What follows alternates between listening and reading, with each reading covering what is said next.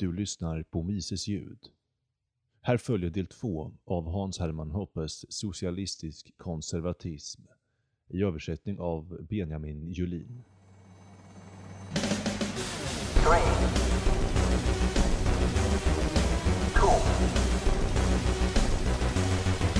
one. And last, don't put your trust in politics.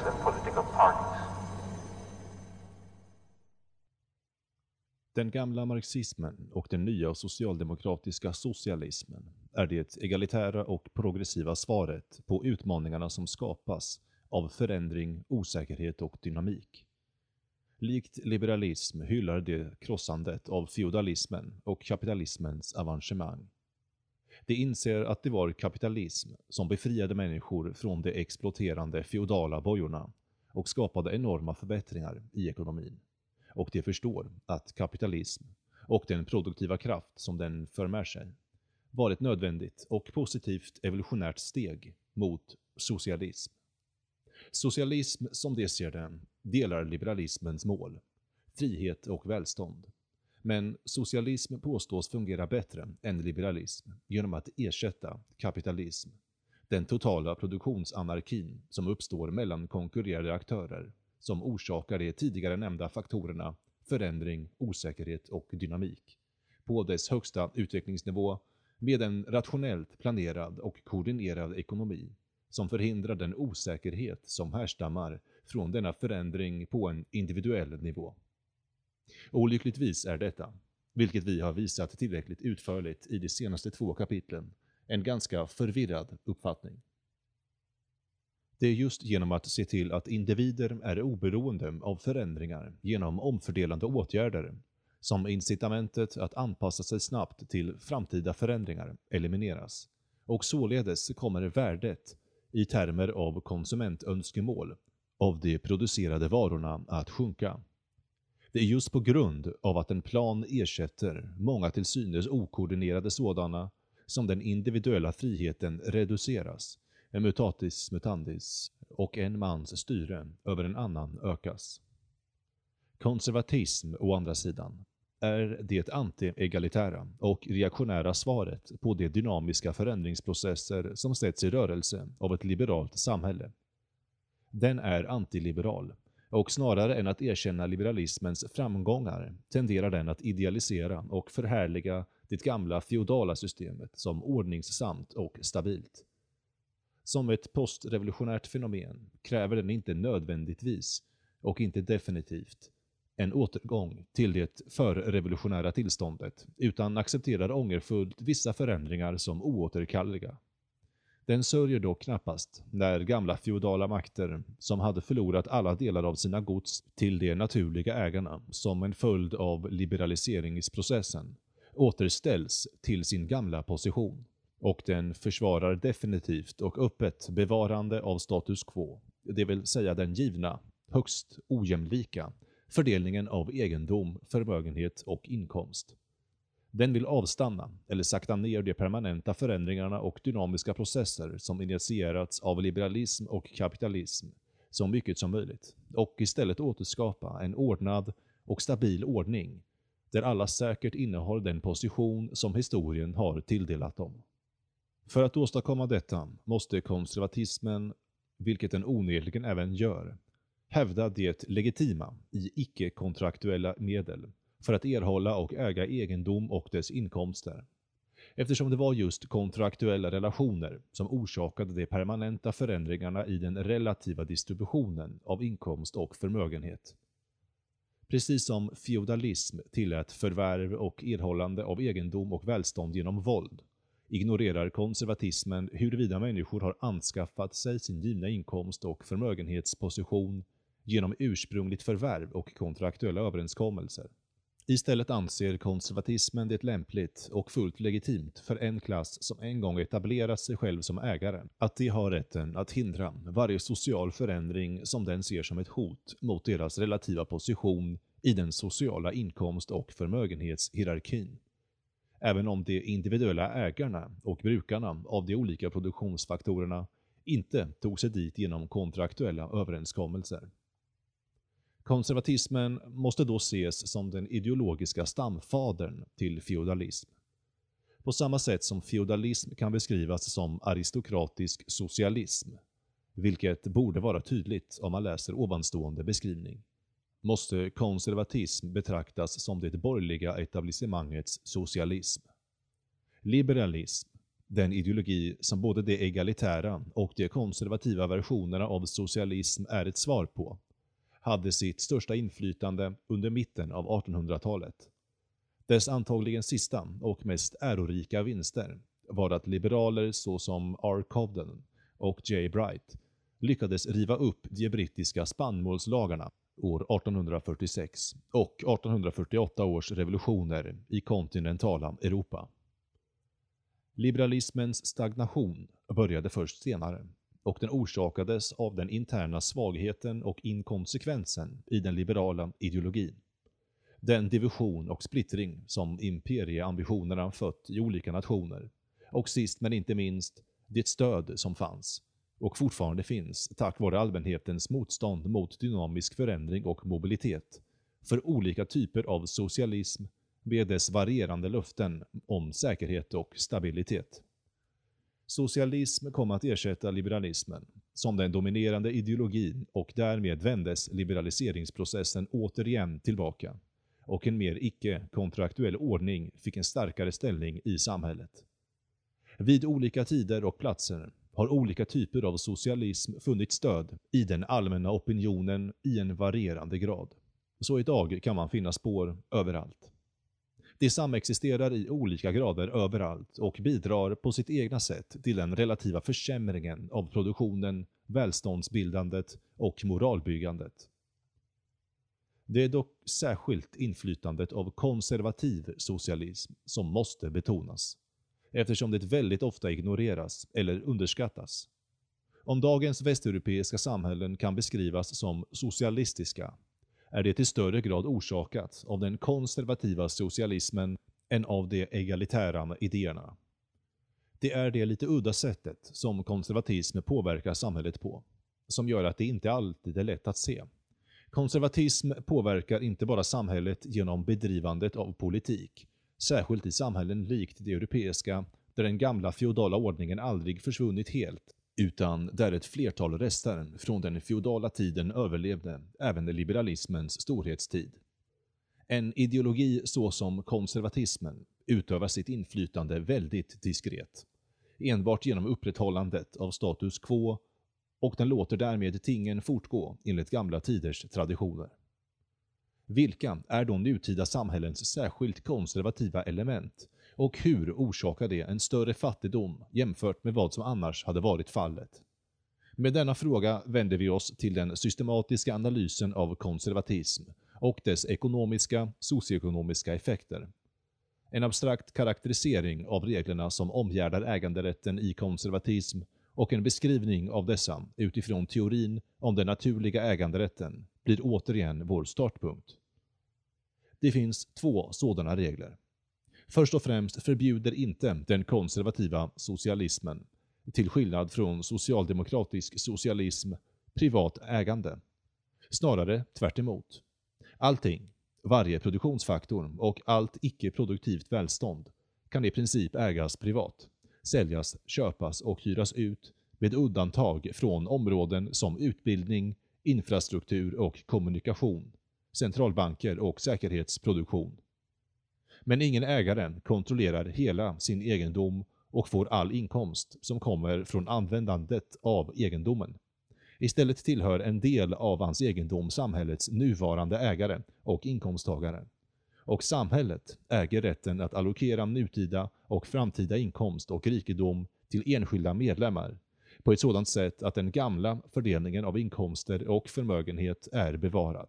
Det är också upp till samhället att avgöra hur stor eller liten denna inkomst och förmögenhetsbit som administreras skall vara och exakt vad som behövs för att bevara en given inkomst och förmögenhetsfördelning. Sett genom det perspektiv som ges av den naturliga teorin om egendom innebär egendomsfördelningen under konservatism återigen en aggression gentemot de naturliga ägarna. De naturliga ägarna kan göra vad de vill med dem så länge som det inte utan tillstånd förändrar den fysiska integriteten hos någon annans egendom.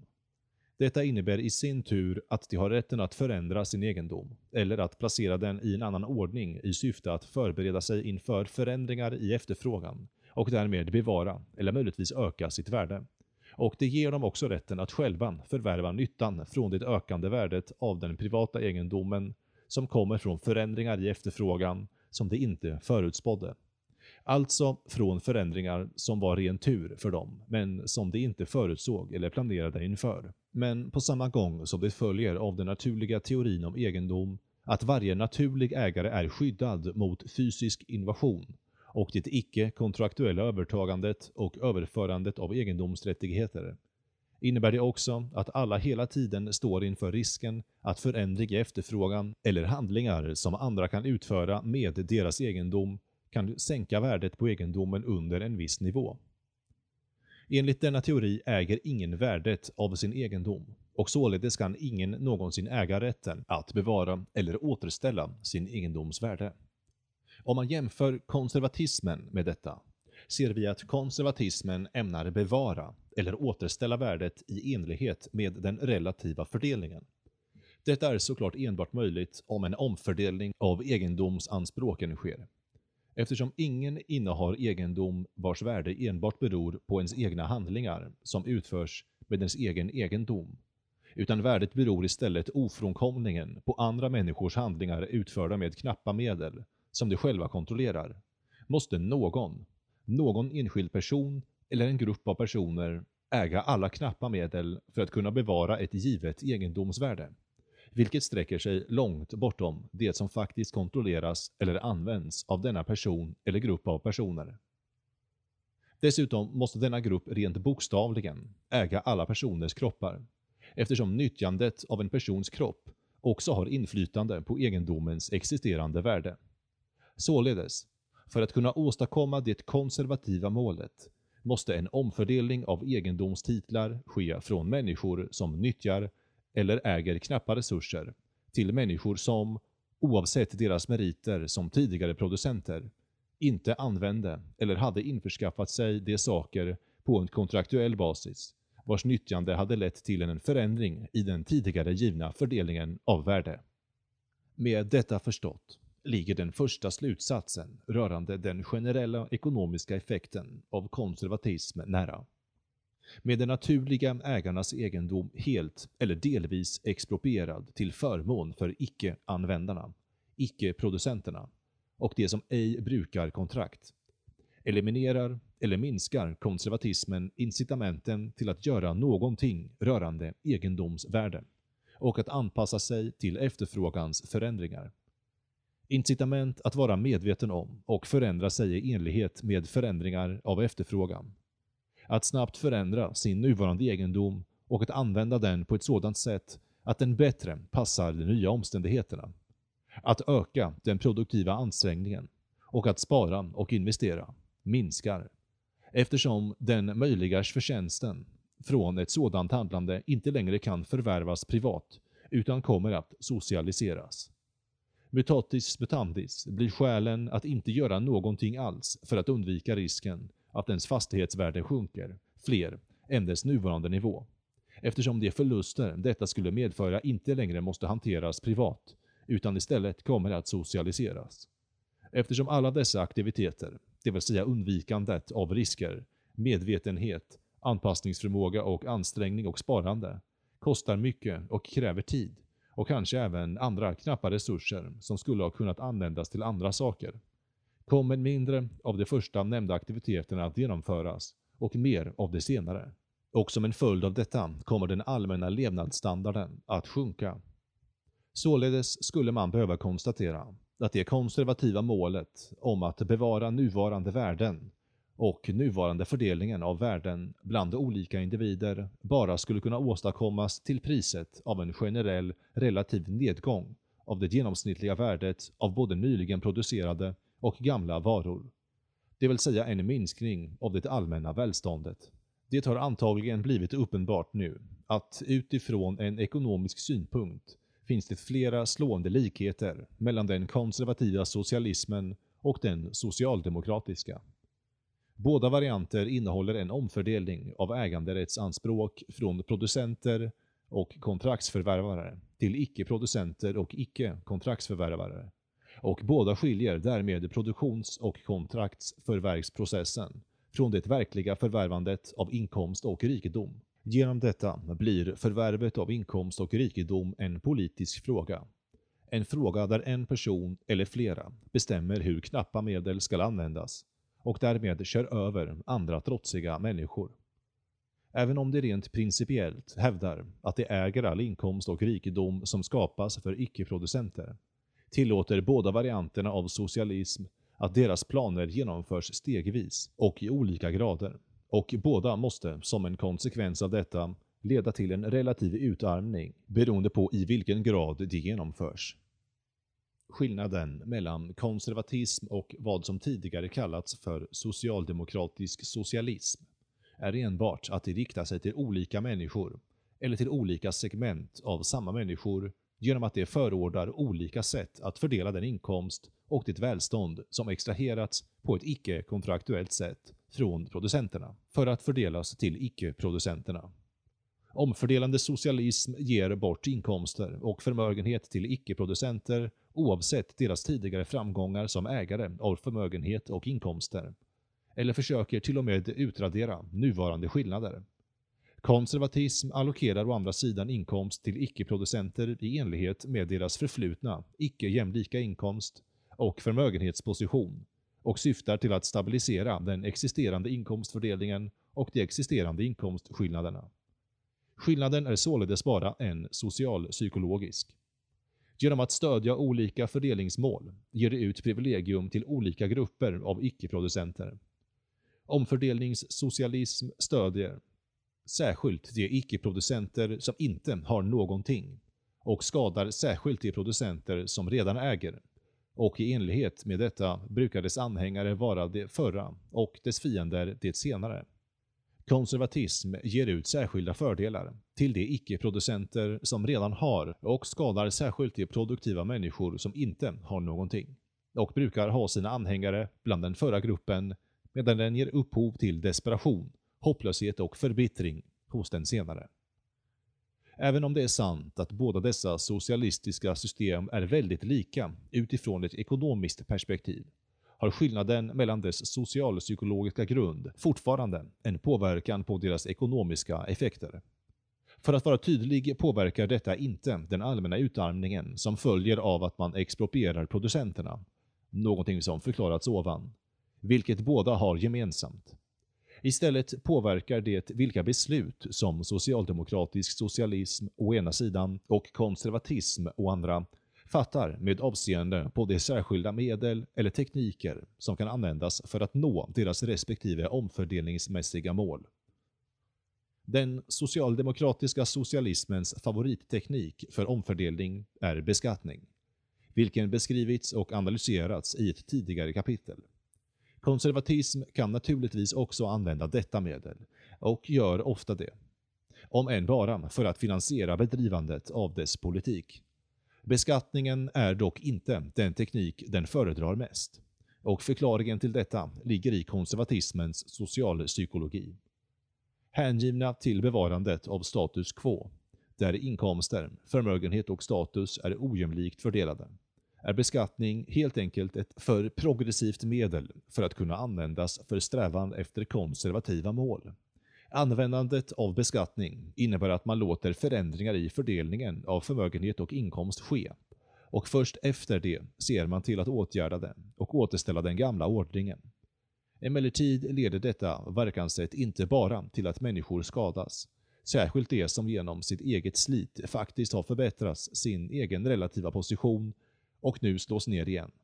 Men genom att låta förändringen ske och sedan försöka återställa den sänker konservatismen även sin egen legitimitet. Det vill säga att en given fördelning av inkomst och förmögenhet är legitim